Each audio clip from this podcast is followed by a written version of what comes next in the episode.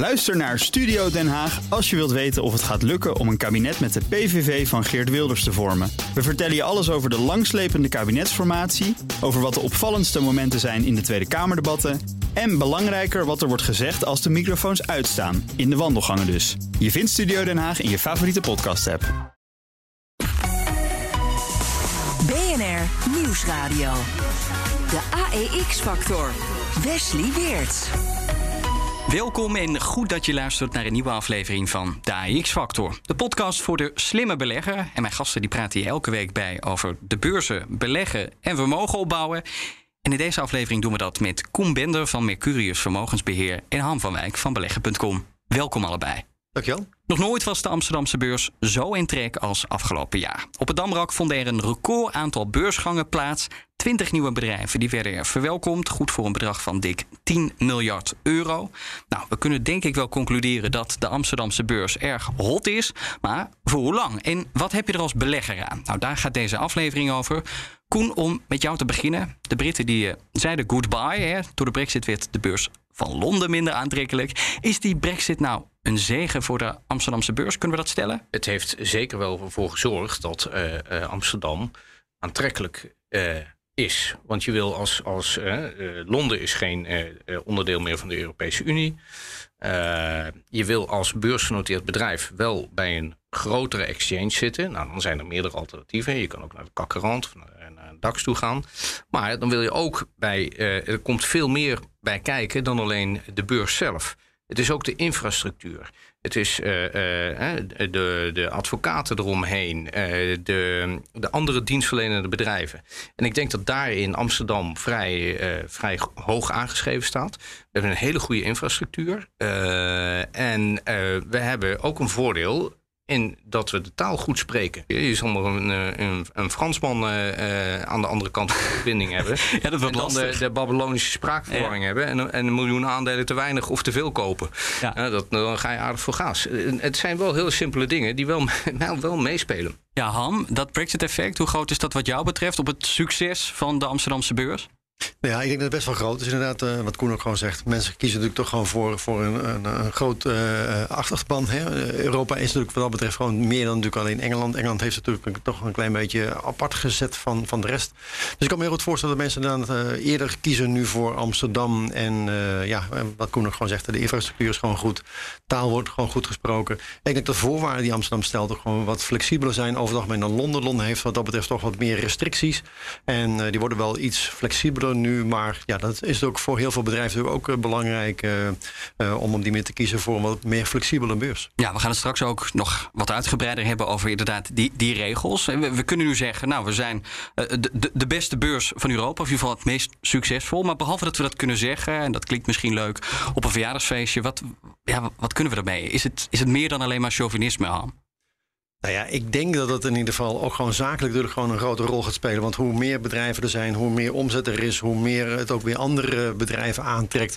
Dus ja, het, het voedt het succes, succes breeds succes. Dus hoe meer succesvolle uh, beursintroducties je kunt doen als, uh, als beurs, hoe meer dat ook weer nieuwe bedrijven gaat aantrekken. Ja, Koen, jij zei, die Brexit heeft een rol gespeeld. We kunnen niet alles afschrijven op die, op die Brexit. Nu staan we er goed voor, maar uh, een paar jaar geleden voor die Brexit, waren we toen ook al zo succesvol? Of was het toen toch allemaal wat minder rooskleurig dan nu? Moet je diep in je geheugen ja, graven misschien? diep in mijn geheugen graven. Kijk, uh, ik, gevoelsmatig, hè, want ik kan het nu niet onderbouwen met, met, uh, met, met cijfers. Uh, trekken we wel wat meer bedrijven aan dan in het verleden uh, uit het buitenland die voor Amsterdam kiezen als notering. Want dat, daar moet je eigenlijk naar kijken. Hè? Want een, een Nederlands bedrijf, als Coolblue naar de beurs gaat, wat heb je te zoeken op de kakkerant? Dat ja, doe je gewoon. Het is logisch dat ja, ze hier dat notering krijgen. Maar uh, buitenlandse bedrijven die er expliciet voor kiezen om uh, naar Amsterdam te gaan, dan moet dat een weloverwogen keuze zijn. Want dan sluit je je eigen beurs uit. Hebben we dat nu meer gedaan dan in, in, in, in het verleden? Ja, gevoelsmatig wel. Ja, oké, maar laten we dan eens kijken welke bedrijven we uiteindelijk binnen hebben gehakt. Impost uit Polen, een callcenterbedrijf, uh, Majorel Groep. Dat is volgens mij een Luxemburgs bedrijf. Dat, ja, dat, dat zijn niet per se echt de Nee, dat zijn smallcappers. Eh, eh, Wat dat betreft moet je veel meer kijken naar bijvoorbeeld een, een, eh, een, bedrijf als eh, in het verleden Prozus. Die, die komen vanuit Johannesburg en die kiezen expliciet voor Amsterdam. Ja, maar dat was kun je- 2019, geloof ik. Ja, dus in het verleden is het ook wel vaker gebeurd. Eh, eh, Universal Media Group, net naar de AIX gepromoveerd, ook zo'n voorbeeld. Ook een eigenlijk van origi- origine een, een Frans bedrijf dat toch kiest voor Amsterdam. Ja, dat zijn duidelijke klinkende overwinningen eh, in eh, wat je zou kunnen noemen een strijd tussen de beurzen. Ja, zometeen gaan we hier nog uitgebreider over praten. Over de Amsterdamse beurs en de strijd tussen Amsterdam en Londen. Maar we beginnen met eh, natuurlijk zoals altijd het eh, weekoverzicht. En ik moet zeggen, collega Jelle Maasbach die was in Berlijn deze week. En ik denk dat hij wat inspiratie heeft opgedaan. Dat hij heel veel kerstmarkten heeft bezocht. Want luister maar mee wat het overzicht is van deze week.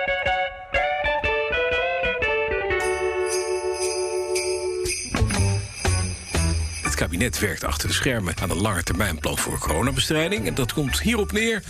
Zoek het lekker zelf uit. Disney announcing that the new chairman of the board will be independent lead director Susan Arnold. She'll be succeeding Bob Iger when he leaves the company. This move shows continuity at the media giant as Iger makes his transition out. Er wordt steeds meer bekend over die Omicron-variant van het coronavirus. Drie losse studies, eh, onder meer uit Zuid-Afrika en het Verenigd Koninkrijk... die laten nu zien dat er inderdaad een milder ziekteverloop is... dan bij de Delta-variant, die in ons land in ieder geval nog de dominante variant is... maar dat zal snel veranderen. Bol.com gaat investeren in fietscouriers. I cannot vote to continue with this piece of legislation. I just can't. I've tried everything humanly possible. I can't get there. And the announcement means the ambitious package pushed by President Biden to improve education, the social safety net, and deal with climate change is all but dead. Proberen toch ook een eh, klein beetje kerstsfeertje aan te geven aan deze uitzending. En om in die eh, kerstsferen te blijven, senator Joe Manchin... die krijgt eh, waarschijnlijk geen kerstkaart van Biden. Het nieuws van deze week. De senator die steunt het investeringsplan van de president niet. En dus gaat er een streep door dat megaplan van 1700 miljard dollar. Geen geld voor sociale zekerheid, geen geld voor banen, huisvesting, duurzame energie. Het paraatje, paradepaadje onder, onder Biden. Hoe erg is dit nou voor hem, Han? Nou ja, voor Biden is het natuurlijk gewoon eh, niet een hele prettige kerst, eh, denk ik. Ik kan me voorstellen dat hij zich anders had eh, voorgesteld. Dat denk ik ook. Ehm, het was natuurlijk al heel erg spannend. Hè? 50 senatoren die voor waren, 50 tegen. Dus eh, ja, als er dan eentje afvalt, dan heb je net even, het is net niet gered. En ik kan me ook iets bij voorstellen. Als je gewoon kijkt bijvoorbeeld naar eh, de hoeveelheid schulden die er op dit moment zijn in de Verenigde Staten, is natuurlijk al iets wat natuurlijk al meerdere jaren speelt. Maar dan is het gewoon eh, de vraag: ja, is het dan slim om dan nog meer te gaan investeren, nog meer schulden te gaan maken? Als je kijkt naar bijvoorbeeld een, een website zoals eh, usdebtclock.org, hè, dan zie je op dat moment de schuld iedere seconde gewoon verder bijtellen. En eh, mij lopen dan vaak de rillingen over de rug als ik gewoon kijk naar die bedragen en zie dat het Ja, per dat is niet te bevatten. Nee, precies. Nee. En, en, en daarom denk ik ook, als je het ook vergelijkt met, met bijvoorbeeld in het jaar 2000. eh, nu hebben we gewoon 129% van het bruto nationaal product in de Verenigde Staten als schuld. Nou ja, dat is op een gegeven moment natuurlijk gewoon eh, niet echt een probleem. Zolang die rente gewoon laag blijft. Nou, de rente is natuurlijk gewoon vanaf de jaren 80 steeds verder gedaald, gedaald, gedaald. Nou, nu rond de nul. Ja, waar moet hij dan nog heen? Ja, hij kan een stukje onder nul. Maar dan houdt het op een gegeven moment al op. Nou, als je dan op een gegeven moment ook ziet dat die inflatie gaat oplopen, dan is het vaak een logisch gevolg dat de rente natuurlijk ook, ook, ook op gaat lopen. Want jij wil op dat moment, als jij bijvoorbeeld geld op je spaarrekening hebt staan, je koopkracht behouden, dus je wil een hogere rente hebben. Nou, als dan, dan die rente op gaat lopen en die eh, staatsschuld die is wat dat betreft veel hoger dan in de jaren nou ja, tweede, eh, 1980 of eh, 1990, dan krijg je ook op dat moment vrij snel een probleem. Dus is het dan verstandig om dan nu heel veel extra schulden te gaan maken, terwijl je dus ziet dat de inflatie oploopt en daardoor wellicht ook de rente Ja, en dat, gaat dat oplopen? was ook het belangrijke argument van de andere Joe. Ehm, Koen, eh, vervelend misschien voor Biden, maar nog veel belangrijker. Wat betekent dit voor, voor de beurs, voor de, voor de belegger? Want wereldwijd zagen we wel die beurzen wat naar beneden gaan. Ja, nou, ik denk dat dat eh, de voornaamste reden is doordat deze eh, Manchin eh, gewoon met in het achterhoofd zijn politieke achterban eh, stemt. En ook zijn eigen portemonnee. Ja, deze man is senator in West Virginia. En West Virginia is een kolenstaat. Eigenlijk een republikeinse staat. Dus ehm, het, het, de hele discussie over dat hij dit niet over zijn hart kan verkrijgen. Nou, ik kreeg bijna tranen van in mijn ogen. Ehm, ik denk dat het, uh, uh, het heeft maar met één ding te maken. En hij wil gewoon in die midterm elections wil hij blijven zitten. En hij, hij voelt de, de, de, de druk van, van, van Trump en van de Republikeinen. En het programma van Biden, in mijn optiek, die schuld vind ik niet zo heel erg interessant. Het is namelijk debt to GDP. En als je GDP omhoog kan krijgen, dan is die verhouding meteen alweer veel beter. En wat Biden wil doen zijn goede investeringen. Je hebt slechte schulden en goede schulden. Investeren in infrastructuur is een goede schuld. Het verhogen van uh, de uitkering naar pensioengerechtigden is een slechte schuld. Ja, als je daarvoor moet lenen. Maar investeren in onderwijs, in infrastructuur, dat zijn hele goede schulden, wat mij betreft. Want die betalen zich uiteindelijk terug. En die kun je daarna ook weer naar de kapitaalmarkt brengen. En zeggen: jongens, we hebben hier geïnvesteerd in een luchthaven. Dat heeft miljarden gekost. Of in een tolweg in een tolbrug, waar we gaan die tolbrug naar de beurs brengen. Nou, dan krijg je daar weer, dat hebben ze in Frankrijk ook gedaan. Ja, nou lijkt dat plan de nek omgedraaid te zijn. Hoe, hoe schadelijk is dit nou voor uh, bedrijven? Want um, ja, dat, die hebben erop volgesorteerd. We hebben met z'n allen hebben een voorschot genomen op een aantal dingen in de afgelopen weken. Uh, eigenlijk tot en met november. Ja, we hebben een voorschot genomen dat uh, corona, eigenlijk naar de achtergrond ging. Dat de Delta-variant aan het uitlopen was. En uh, dat we dus langzaam maar zeker een verdere heropening van de economie zouden krijgen. Uh, dat zou gepaard gaan met renteverhogingen. Dat heeft Powell ons verteld. Die renteverhogingen hebben ertoe geleid dat we financials hoger zijn gaan waarderen. Omdat die daarvan profiteren. En vervolgens hebben we gezegd van nou oké. En, en het lijkt er ook op dat Build Back Better dat dat er doorheen gaat komen. Nou, dat betekent dat er investeringen gaan komen in allerlei uh, verschillende onderdelen van de economie. En daar hebben we een voorschot op genomen. En op al die drie onderdelen, doordat Omicron de kop opstak en uh, waarschijnlijk een lockdown is van de economie, gaat die renteverhoging naar achteren toe. Die gaat niet in Q1, maar misschien in Q3 plaatsvinden. Dat betekent dat je moet verdisconteren. Dus al die voorschotjes die we genomen hadden. Ja, die hebben we daarna weer terug moeten geven. En, en, en dat is die correctie geweest op de beurs. Nu blijkt dat Omicron misschien minder ziekenhuisopnames met zich meebrengt, kan ertoe leiden dat we toch weer omhoog gaan. Ja, want is dat ook wat we zagen dan afgelopen week? Want we zagen, want we hebben bijna geen aflevering zonder, mm. zonder corona. Mm. We zagen uh, helemaal aan het begin van de week, hè, toen gingen die beurzen ook onderuit. Dat was mede door dat plan van Biden, maar ook vanwege die Omicron-variant. Mm. Uh, nou, dat was wat je net zei, hè, er waren een aantal dingen ingecalculeerd. Daarna zagen we het weer omhoog gaan. Dus hoe duid je dat dan? Als je, als je inderdaad belegt voor de korte termijn en het op weekbasis bekijkt, dan moet je heel snel flippen. Ja. Ja, ik denk dat, je, dat dat niet de manier is waarop je uiteindelijk zou moeten beleggen. Want dan, heb je, dan ben je veel meer aan het treden. Um, maar je ziet wel dat nu Omicron toch minder schadelijk blijkt. En bovendien Build Back Better gewoon op de agenda blijft staan. Uh, misschien onderdelen, per onderdeel zal worden gestemd. Hè? Dus apart over uh, kinderbijslag en apart over uh, investeringen in de infrastructuur en apart over dit en apart over dat. Ja, dan krijg je een heel ander scenario. Maar begin januari komt het wel degelijk in de Senaat. En het kan natuurlijk best zijn dat die mensen zijn punt heeft gemaakt en toch nog weer een keer gaat flippen. Ham, hoe, hoe heb jij nou afgelopen week gekeken naar al die dingen die op elkaar volgen? De beleggers die daar dan weer reageren op de beurs. De beurs die dan natuurlijk ook weer in zijn totaliteit erop reageert. Hoe, hoe, hoe heb jij daarnaar gekeken?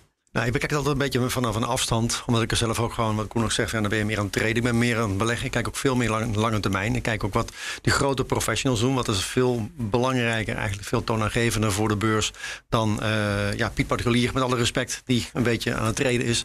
Uh, uiteindelijk gaat het er gewoon om wat vinden die grote professionals. Ja, en wat vinden die? die grote professionals, die zie je toch langzaam maar zeker een beetje voorsorteren op het feit dat er gewoon heel veel geld wordt bijgedrukt. Hè. Uh, je ziet ook gewoon, want, want zo'n groot Build Back Better verhaal zal ook gefinancierd moeten worden. Dat betekent dat de belastingen omhoog gaan. Heeft ook weer invloed uh, dat er weer geld moet, moet worden bijgedrukt. Inflatie loopt weer op. Nou, en dan is het vaak een kwestie van ja, waar is dan mijn geld veilig? Hè? Want ik moet mijn geld ergens in een of andere asset gaan investeren. Ja, waar is het veilig? Uh, ja, ik denk als ik bijvoorbeeld kijk naar Zimbabwe, ook een mooi voorbeeld van uh, een beetje geld bijdrukken. Uh, daar zie je ook dat die beurzen over het algemeen toch aardig oplopen. Dat wil niet zeggen dat de economie in Zimbabwe het fantastisch doet.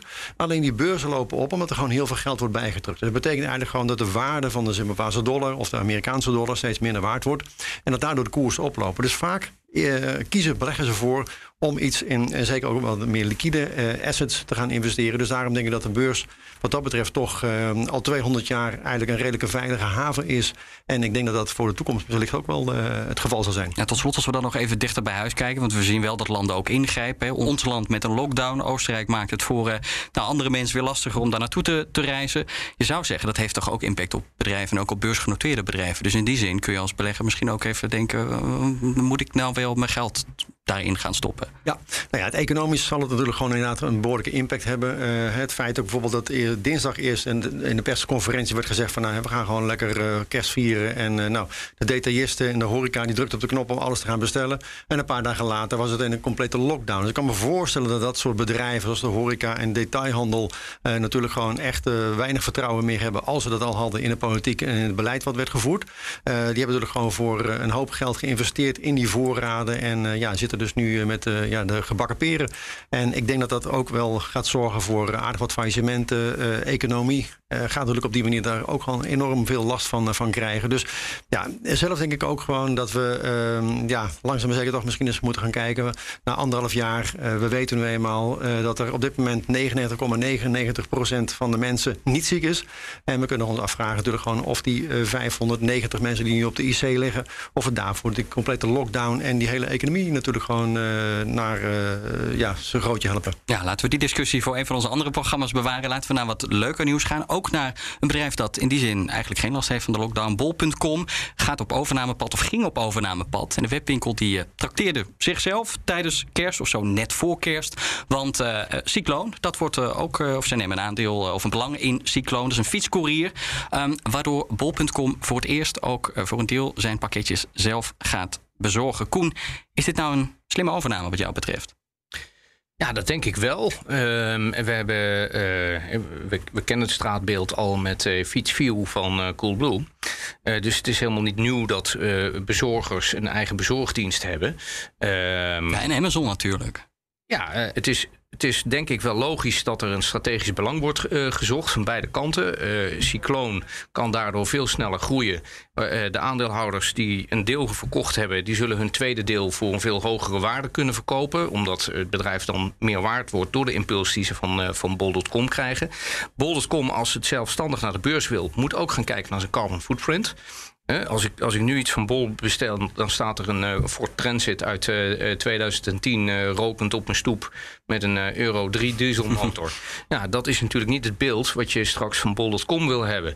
En ehm, ja, dat, daar zijn ze in aan het verbeteren. En dan kun je maar beter een paar bruggetjes overslaan en meteen met de fietscourier gaan. Ja, dan in plaats van het zelf op, op, te zetten, kun je er ook een kopen. Nou, dat is wat ze gedaan hebben. Dat vind ik niet onlogisch. Nee, want je denkt ook wel dat er dus een verband is tussen de beursplannen die Bol.com heeft uh, en dus deze, deze aankoop. Natuurlijk. Ja, maar ook gewoon dat het daarmee ook echt een stuk aantrekkelijker wordt. Want je ziet bedrijven al vaker natuurlijk. aankopen doen en dat is dan zit een beetje in de marge. Maar ja, dit, dit maakt wel het verschil. Ze kunnen, ze kunnen hier zeggen dat ze ook de last mile hè, uh, doen. Uh, dat, dat hadden ze natuurlijk al heel mooi met die combinatie van Ahold en uh,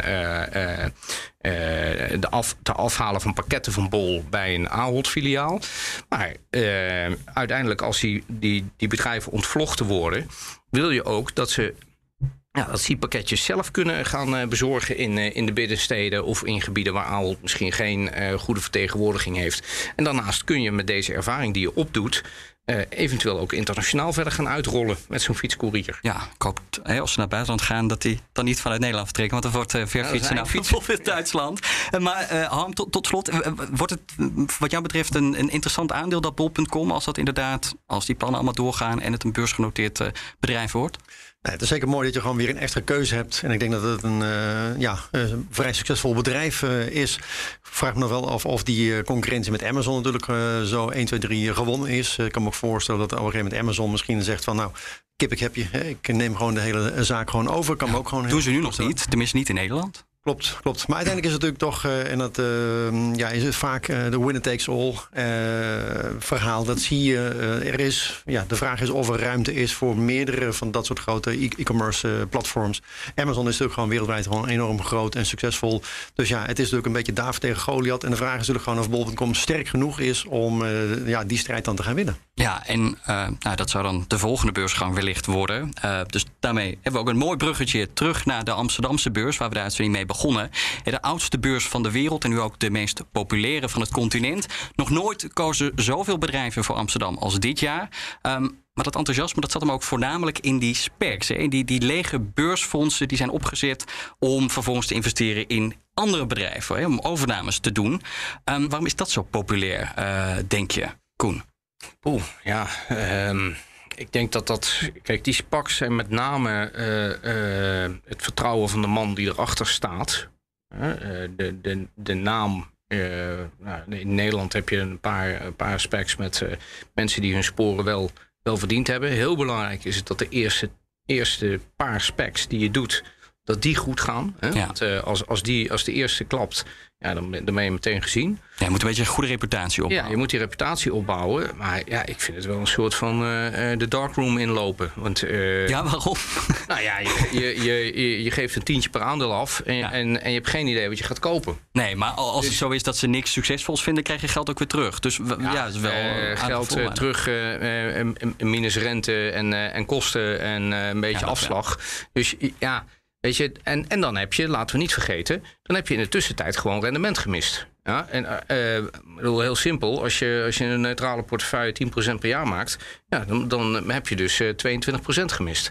Ja. ja uh, dus mm -mm, ik weet het niet. Ik zou het niet zo snel doen. Nee, je bent niet echt enthousiast. Ik weet het niet. Liever niet. Han, ben jij enthousiast? Hè? Nee, ook niet. Ook nee, pessimistisch. Ja, ik kan me ook niet voorstellen dat ik iemand uh, gewoon uh, carte blanche geef om te zeggen: Nou, alsjeblieft, hier is geld en ga er maar wat leuks mee doen. En uh, misschien wordt het wel wat. Ja, ik ben wat dat betreft toch misschien iemand die wat meer wil kijken wat er precies gebeurt. in plaats van dat ik zomaar iemand mijn creditcard geef.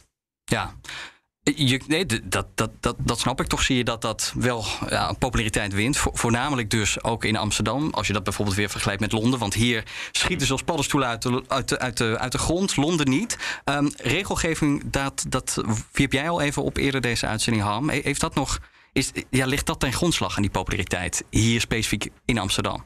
Ja, ik denk dat in ieder geval die flexibiliteit van de beurs hier in Amsterdam in ieder geval daar een rol in speelt. Uh, in Engeland kan je zoiets minder makkelijk doen. Uh, je ziet ook, er zijn nu 13 van die specs uh, vrij snel hier dus in Amsterdam genoteerd. En dat zal natuurlijk ook op die manier ook wel weer een bepaalde groep mensen aantrekken die zeggen van hé, hey, in Amsterdam gaat dat lekker soepel, dus we gaan meerdere van dat soort specs. Dat gaat natuurlijk ook op die manier, als er meerdere specs komen, gaan er ook natuurlijk een paar fout. En dat heeft natuurlijk ook weer zijn invloed op die reputatie. Want ja, nogmaals, het is en blijft natuurlijk toch gewoon, vind ik een beetje een, een, een tricky verhaal. Door gewoon iets te zeggen uh, van nou, we gaan wat doen en uh, geef maar geld en dan ga ik wel wat leuks van kopen. BNR Nieuwsradio. De AEX-factor. Wesley Weerts. Bij mij nog altijd Koen Bender van Mercurius Vermogensbeheer en Han van Wijk van beleggen.com. Um, ehm, ja, we hadden het net over die specs. Ik ik kan wel zeggen dat jullie niet heel enthousiast daarover zijn. Uh, maar er waren natuurlijk ook andere beursgangen. Een aantal hebben we net al besproken. Nou, dat waren niet uh, super aansprekende of grote voorbeelden. En niet iets waar je trots op moet zijn. Um, maar een bedrijf dat misschien meer aanspreekt is Universal Music Group. Um, is dat dan ook iets, Ham, waar jij enthousiaster van wordt? In tegenstelling tot die specs dus? Nou ja, het is wat meer een bedrijf, denk ik, wat, uh, wat meer body heeft. Dus uh, gelijk in de AEX-index. Uh, en ik ben inderdaad ook wel een groot voorstander van bedrijven die wat meer ja, track record kunnen laten zien. Ik kijk met mijn systeem eigenlijk gewoon wat doen die grote professionele beleggers. En op het moment dat zij met z'n allen gewoon inkopen. Kijk, ik ga niet zeggen dat ik slimmer ben dan al die grote professionals bij elkaar. Ik volg op dat moment gewoon de trend. En ik kan me voorstellen dat er bij zo'n bedrijf veel meer trend is. Veel meer een mooie ontwikkeling te zien is. Dan bijvoorbeeld dat soort kleine bedrijven wat toch weinig nieuws laat zien. Op die manier dus ook wat meer turbulentie kan, kan laten zien. En ja, dus ik ben wat dat betreft daar wat enthousiast over. Ja, ik vind het toch ook wel ergens opmerkelijk. Want als ik gewoon een paar jaar terug denk aan die hele muziekindustrie, die lag op zijn gat. Hè? Alle winkels moesten sluiten. Nou, volgens mij ging het met Universal Music Group toen ook niet geweldig. Nu zie je toch dat ze echt aan een, aan een comeback bezig zijn. Is dat te danken aan streaming, Koen?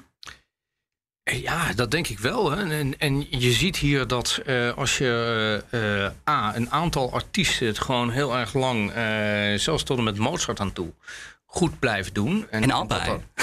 Ja, iets jonger. Ja, iets maar, jonger, maar nog steeds ver voor mijn tijd. In ja, nou ja, goed. Dus, ehm, dus Frank Sinatra heeft nog steeds een bepaalde waarde. En, ehm, en het gaat natuurlijk, uiteindelijk is het mooiste de discount, voorspelbare kaststromen.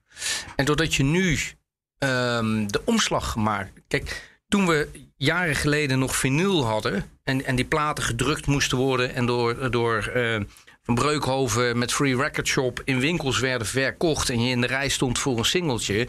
Ja, die tijd heb jij blijkbaar niet meer meegemaakt. Maar daarna kon, kon al dat vinyl kon zo, eh, bij wijze van spreken, eh, op de schroothoop. want het werden CD's. En, en daar ben je. Daarna ben je gaan zoeken van ja, wat is dan precies nu het verdienmodel? Eh, en ja, met Spotify en met, met Apple Music zijn we uitgekomen op een model waarover we met z'n allen zeggen van nou, we gaan eh, een, een tientje in de maand betalen. En heel veel tientjes in de maand ja, is, ook heel veel geld. Ja. Het heeft gewoon even tijd nodig gehad om ook de muziekrechten, eh, de artiesten een juiste eh, gage te geven. Nou, het lijkt erop dat we daar nu een soort van balans in gevonden hebben. En je ziet dat iedereen naar die abonnementsvormen aan het draaien is. Ook Microsoft, hè, die gewoon zegt... Van, joh, kan, je kan met Azure kan je voor der- 13 euro of whatever in, de- in de maand... heb je gewoon je hele IT-infrastructuur Ja. geregeld. Je hoeft geen pakketten meer te kopen, je hoeft geen licenties meer te kopen. En, en Microsoft kan zeggen van... nou, eh, Wesley, ja, dat is nog, eh, die heeft nog geen vinyl meegemaakt. Dat moet een jonge gozer zijn. Die kunnen we nog, die kunnen we nog 50 jaar eh, en, en 15 euro uit de maand uit zijn zak troggelen. En zolang ze maar genoeg Wesleys in portefeuille hebben.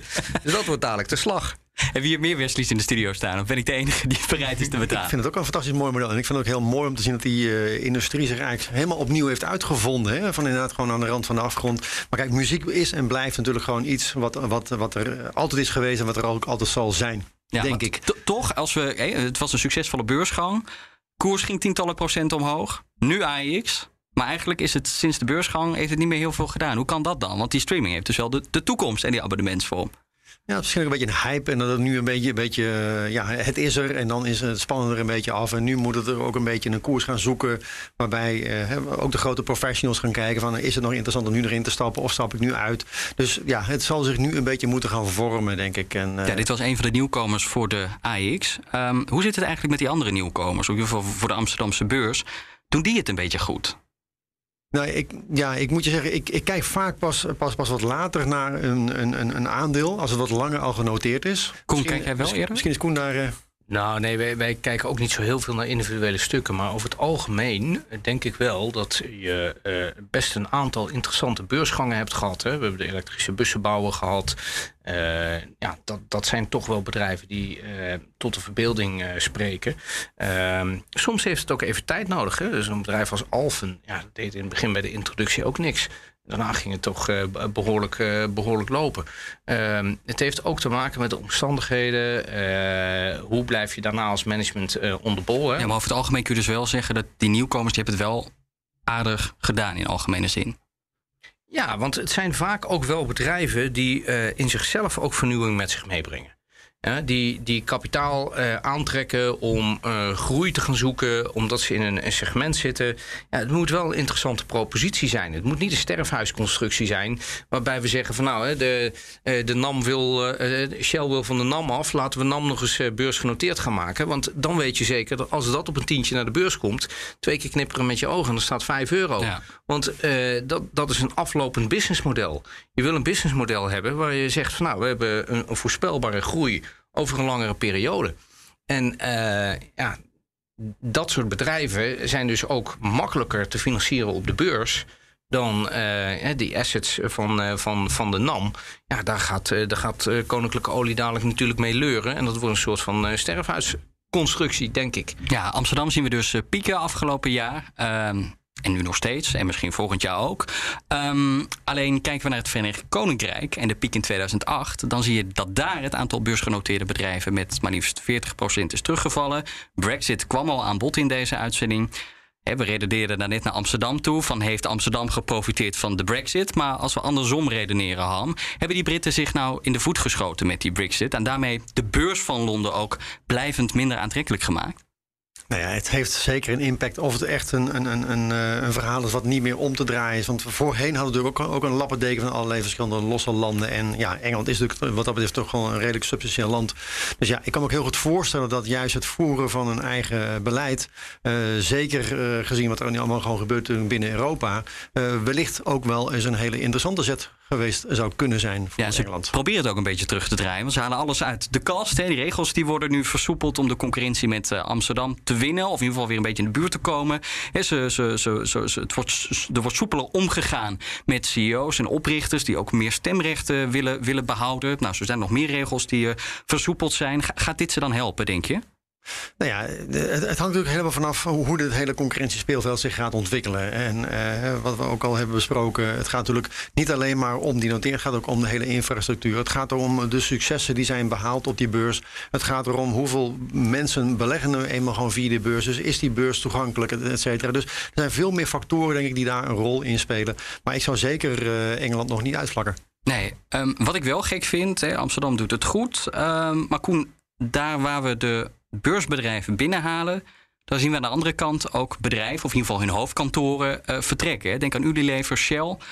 Voor mij is dat heel lastig te rijmen. Dus hoe kan het dat we enerzijds dus allerlei beursbedrijven binnenhalen, tegelijkertijd hoofdkantoren zien we wel naar Londen vertrekken? Ja, ik denk dat je dat gewoon toch ook per individueel uh, geval moet bekijken. En uh, zowel Unilever als Shell, die je allebei aanhaalt, hadden al twee nationaliteiten. Die hadden al twee hoofdnoteringen. Waren half Brits en half Nederlands. En wij waren ervan uitgegaan dat dat zo zou blijven. Daar lagen allerlei dingen aan ten grondslag, zoals fiscale. Uh, uh. Ja, uh, en, en als je daar dan in gaat, gaat schuiven, ja, dan is het ook logisch dat een bedrijf daarop reageert. Daar komt bij, en zeker in het geval van, uh, van, van uh, Shell, of nog heel even koninklijke olie. Ehm, kijk, de ene beurs is de andere niet. En, en Londen is een typische oliebeurs. Die hadden al BP,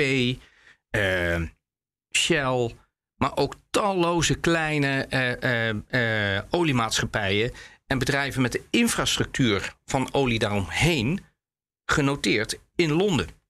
En je ziet dan ook dat, dat de, de Britse beurs een, een heel ander year-to-date rendement laat zien dan bijvoorbeeld Amsterdam. En Amsterdam heeft zich de afgelopen jaren tot een techbedrijf, de tech, meer een techbeurs ja. ontwikkeld. Met een, een, een, een Tencent, met een bedrijf als Adyen, met uh, uh, ja, wat, wat nieuwkomers, met de streamingdiensten die er uh, aan ten grondslag liggen. Duitsland is een echte automobielbeurs. Frankrijk heeft het ook heel goed gedaan het afgelopen jaar. Zit ook in de top. Waarom is de CAC 40 nou heel erg goed? Omdat daar heel veel luxe bedrijven genoteerd staan. Ja. En uh, ja, want ik, ik hoor mijn dochters al klagen rond de kerst. Maar, uh, ja, liggen er ja, luxe goederen onder de kerstboom? Nee, daar kan ik nog niks over zeggen. Nee, natuurlijk maar, niet. Uh, dat maakt echt uit. Hè? En in Amerika heb je dat allemaal op één hoop. Want daar is maar één beurs. En dat heeft allemaal het in elkaar. Maar in, in, uh, in Europa heb je niet alleen een versnipperdheid... in dat je een, een, een Italiaanse beurs hebt, een, een beurs in Madrid, een beurs in Parijs... maar dat die ook een ander karakter allemaal hebben. Ja, is het dan wel je... zo belangrijk om ook te vergelijken of wij nou meer of minder beursgangen hebben? Als het vooral om dat karakter gaat. Want het bedrijf dat voor Londen kiest, dat kiest dus waarschijnlijk niet voor Amsterdam, omdat wij niet dat juiste karakter hebben. Ja, dat, dat zou wel eens heel goed kunnen. Kijk, ik zou het heel erg logisch vinden dat als je een luxe bedrijf hebt. Laten we niet vergeten dat vroeger Gucci ja, was in Amsterdam genoteerd. Dat bedrijf zijn we kwijtgeraakt aan Parijs. He, al die, die, die, echt 20, 30 jaar geleden. Ik wil aandelen Gukkie kopen. Nou, dat, dat, ben je, dat ben je allemaal kwijtgeraakt. Ja, Ham, denk je dat wij dit wedstrijdje, hè, als we dan toch even in wedstrijdtermen uitdrukken, denk je dat, dat we dit volhangen houden op, op de lange termijn? Ja, ik, ik denk nogmaals, uh, als een beurs zich ook ja, gaat specialiseren in een bepaalde sector, uh, kan het inderdaad gewoon wel heel interessant zijn. En zeker, ik voorzie wat dat betreft ook wel heel veel mogelijkheden nog in die hele technologische, technologische ontwikkelingen. Ik zie, ja, onze kaarten zijn goed met tech. Absoluut. Absoluut beter, denk ik, dan bijvoorbeeld Duitsland. Ik zou wat dat betreft zeker, als we van lockdown naar lockdown gaan, niet zo snel een auto kopen als je toch alleen maar thuis zit. Nee. Ja, wa waarom ga je dan niet een nieuwe auto kopen? Dus dan is met tech natuurlijk gewoon veel meer mogelijk, denk ik, qua positionering. Ehm, dus, dus ja, ik denk zeker dat je dan een goede kaart hebt als Amsterdam. Ja, als we dan uh, toch even in de kerststemming blijven en een verlanglijstje op mogen stellen van bedrijven die we graag nog in Amsterdam gevestigd, of ja, niet gevestigd, maar in ieder geval beursnotering zien krijgen. Uh, Koen, wie staat er op jouw lijstje? Of welk type of wat voor bedrijven? Of misschien wel specifieke naam die je graag in Amsterdam uh, op de beurs wil hebben? Nee, nou, ik denk, ik denk dat het leuk zou zijn als we volgend jaar Coolblue ook naar de beurs zien gaan. Hè. Dat, dat is ook goed voor de aandeelhouders van, uh, van Hal bijvoorbeeld. Uh, ik denk dat het ook een bedrijf is dat past in de lijn die we net al aangaven. Hè. Meer e-commerce, meer techbedrijven. Bol.com zou natuurlijk ook leuk zijn. Hè. Als, als Ahold hetzelfde kan gaan doen als wat Philips al jaren gedaan heeft. Namelijk hele goede, leuke bedrijven uh, noteren. Maar verder denk ik, we, we hebben niet alleen een van de oudste beurzen ter wereld. Maar misschien in, in de bedrijfsvoering en de bedrijven, uh, het, het, belang van die bedrijven voor de economie. ook een van de uh, uh, beurzen die het meeste voor oploopt daarvoor. Je zou kunnen zeggen dat we. Hoe bedoel je? Bui nou, buiten een Nasdaq, die heel erg toekomstgericht is. Buiten een, een, een Chinese beurs, waar je ook heel veel ontwikkeling ziet. zijn er best veel bedrijven in, A, in de AEX opgenomen die een cruciaal belang hebben voor de ontwikkeling van de economie in het komende decennium. ASML, chips zijn het zwarte goud. Um, uh, een, een, een, bedrijf als Adyen, de, volledig nieuwe betalingssferen uh, die we hebben. Uh, ja, ik denk dat dat bovendien de andere semiconductorbedrijven die erbij gekomen zijn. Ja, dat, dat, dat heeft eigenlijk altijd al. Hè, we zijn ooit begonnen met een aandeel VOC. En als je de hele lange historie hebt, we hebben, we 120 jaar geleden waren het spoorwegbedrijven, of waren het suikerplantages, of waren het allerlei andere bedrijven die op dat moment opkomend waren voor de, voor de nieuwe economie. Hè? Gloeilampfabrieken, Philips. Maar hoe maakt dat het ook niet juist kwetsbaarder? Want je kunt zeggen, als al die beurzen een eigen karakter hebben, met allemaal een beetje dezelfde type bedrijven. Ja, we weten wat, hoe die gloeilampen dan uiteindelijk afgelopen zijn. Op de lange termijn kan het misschien ook wel die beurs kwetsbaar maken? Of denk je van niet? Kan. Ik denk dat het vooral terugkomt in volatiliteit. De bewegelijkheid. De koersuitslagen zullen groter zijn. Maar eh, uiteindelijk de bedrijven die een, een goede ontwikkeling in zich hebben. ASML is ontzettend lang genoteerd. Maar heeft een, ook een hele lange periode gekend. waarin er heel veel uh, onzekerheid was over, over de nieuwe uh, UAV-technieken.